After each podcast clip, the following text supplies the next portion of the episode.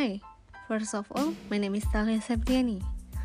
My goal for making this podcast is to strengthen our day. Day to day, we must have our own story. I hope this podcast can be blessing and impact and bring positive things for you. I'm not a smart person and always strong, but I hope this can strengthen us together. I think it's enough and God bless you.